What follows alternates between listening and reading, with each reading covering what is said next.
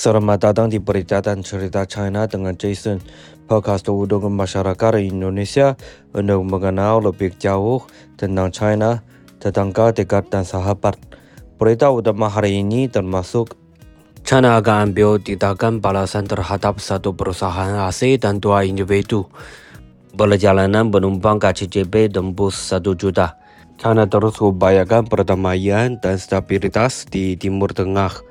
Laba BUMN besar China capai 2,4 triliun yuan dalam 11 bulan pertama tahun 2023. China berbaik memenuhi target-target rencana 5 tahun ke-14.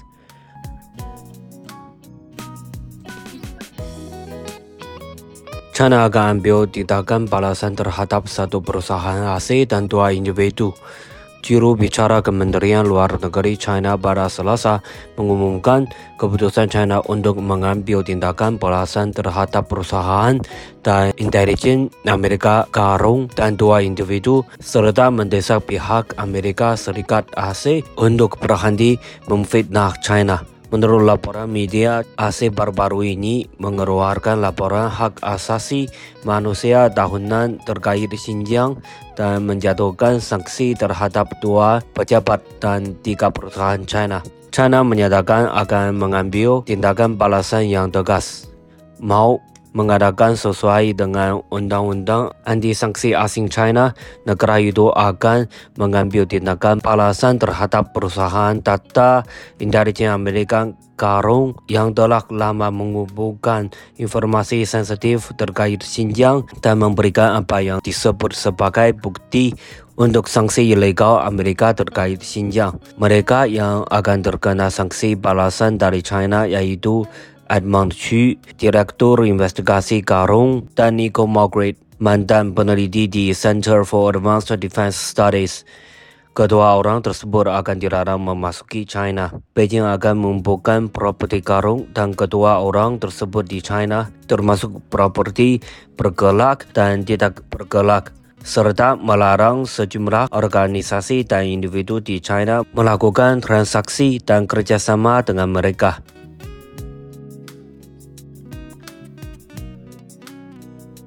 Perjalanan penumpang KCJB tembus 1 juta.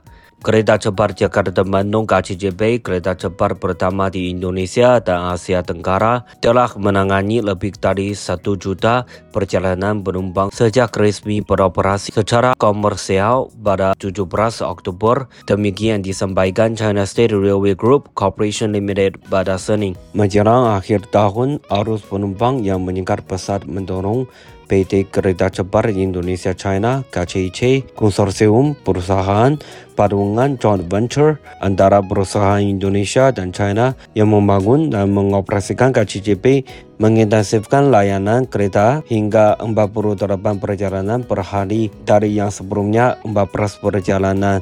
Sejak pertengahan Oktober, kelompok kerja dari China dan Indonesia bersama-sama mendorong pengoperasian KCJB yang berkualitas tinggi dengan memenuhi kebutuhan penumpang termasuk di antaranya mempromosikan penjualan tiket secara daring memperbaiki layanan naik turun penumpang untuk meningkatkan efisiensi serta mengintegrasikan sistem transit lain dengan KCJB guna memfasilitas perjalanan.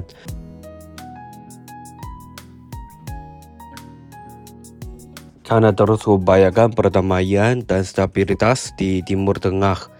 China akan terus bekerjasama dengan semua pihak untuk meningkatkan koordinasi serta mendorong langkah yang lebih bertanggung jawab dan bermakna di Dewan Keamanan Perserikatan Bangsa-Bangsa PBB guna mencapai pengakhiran permusuhan secepatnya di Gaza. Penerapan solusi dua negara serta perdamaian dan stabilitas di Timur Tengah.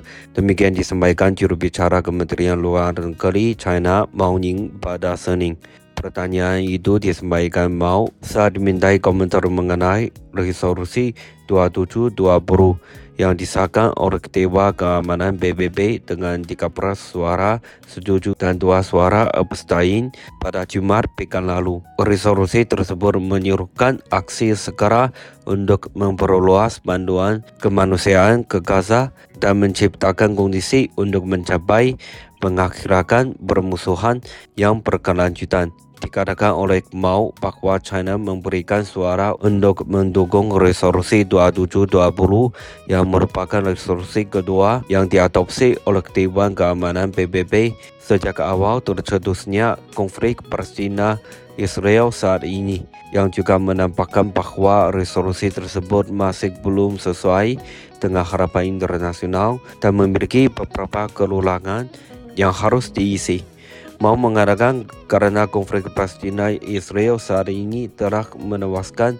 serta melukai puluhan ribu warga sipil dan situasi kemanusiaan di Gaza terus memburuk. China mendesak agar resolusi tersebut dapat diimplementasikan secara efektif, panduan kemanusiaan diperluas dan mekanisme pengawasan dibentuk secepatnya.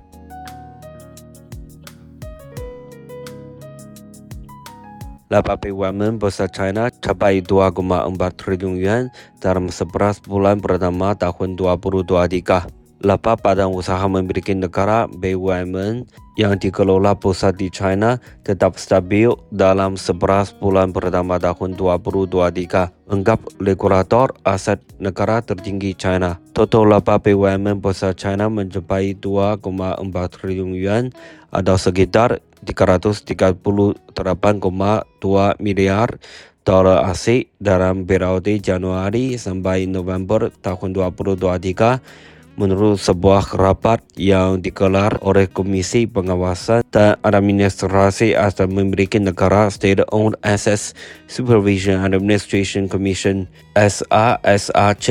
Dewan Negara yang berakhir pada Selasa. Dalam periode tersebut, nilai investasi aset tetap BUMN Bursa China termasuk real estate meningkat 9,1 persen secara tahunan menjadi 4,1 triliun yuan tunjuk data dari SASAC. Dikatakan SASAC, BUMN Pusat China telah menambah pengeluaran untuk penelitian dan pengembangan guna mengenjot pembangunan yang didorong oleh inovasi. Dalam 11 bulan pertama tahun 2023, total import bank mereka menembus 900 miliar yuan, melonjak hampir 70 miliar yuan dibandingkan dengan periode yang sama tahun lalu.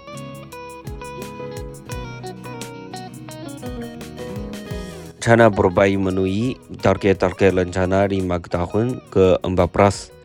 China akan mengambil berbagai langkah guna memastikan negara itu mampu memenuhi target-target yang diuraikan dalam rencana 5 tahun ke-14 untuk periode 2021 sampai 2025 kata seorang pejabat pada selasa.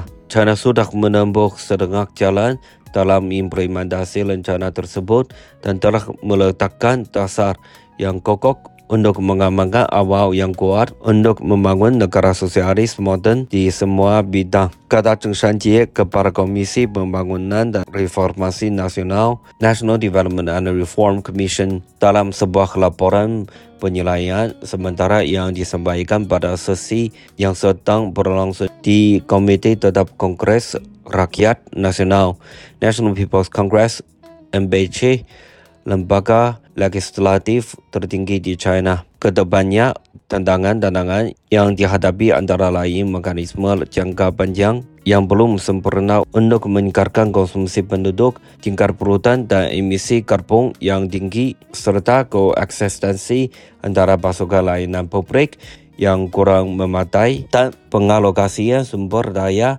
yang yang tidak optimal ujar Cheng.